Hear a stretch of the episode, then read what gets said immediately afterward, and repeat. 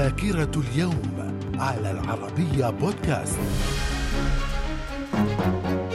أهلا بكم ومن ذاكرة اليوم التاسع والعشرين من نوفمبر في العام 1226 لويس التاسع يتولى عرش فرنسا. في العام 1394 ملك مملكة جوسون في كوريا تايجو ينقل العاصمة من كيسونغ إلى هانيانغ والتي تعرف اليوم باسم سيئول في العام 1781 مجزرة زونغ بحارة سفينة العبيد زونغ يغرقون في البحر 133 من الرقيق الأفارقة للحصول على التأمين. من الذاكرة. من ذاكرة التاسع والعشرين من نوفمبر في العام 1807 نقل البلاط البرتغالي إلى البرازيل بعد فرار الملك جواو السادس من عاصمته لشبونة أمام جيوش نابليون بونابرت أثناء حرب الاستقلال الإسبانية. في العام 1899 تأسيس نادي برشلونة في إسبانيا وفي العام 1945 قيام جمهورية يوغوسلافيا الاتحادية وفي العام 1947 صدور قرار مجلس الأمن الدولي الرقم 181 والداعي إلى تقسيم فلسطين بين العرب واليهود. من الذاكرة. في التاسع والعشرين من نوفمبر في العام 1951 إعلان الإضراب العام في تونس احتجاجا على رفض فرنسا مطالب حكومة محمد شنيق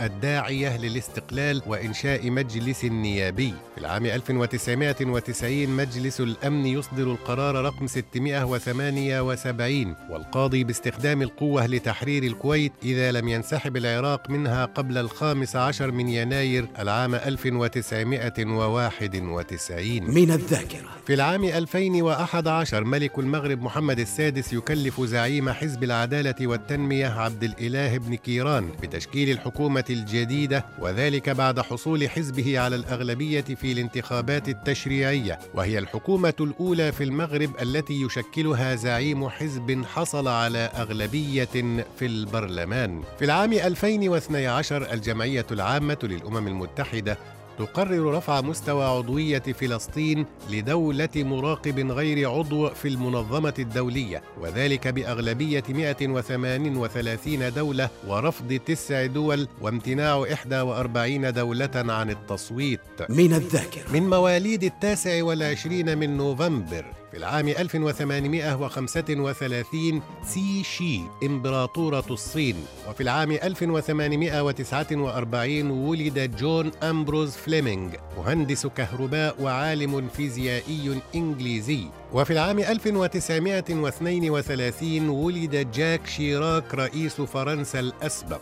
وفي العام 1955 ولد حسن شيخ محمود الرئيس الصومالي الثامن. من الذاكرة. ومن وفيات التاسع والعشرين من نوفمبر في العام 1780 ماريا تيريزا ملكة المجر وبوهيميا وإمبراطورة الإمبراطورية الرومانية المقدسة. في العام 2001 توفي جورج هاريسون المغني البريطاني وأحد أعضاء فرقة البيتلز. في العام 2009 توفيت الأميرة فريال ابنة فاروق الأول ملك مصر. من الذاكرة. في التاسع والعشرين من نوفمبر من كل عام يحتفل باليوم العالمي للتضامن مع الشعب الفلسطيني وبيوم تحرير ألبانيا. من الذاكرة. إلى اللقاء.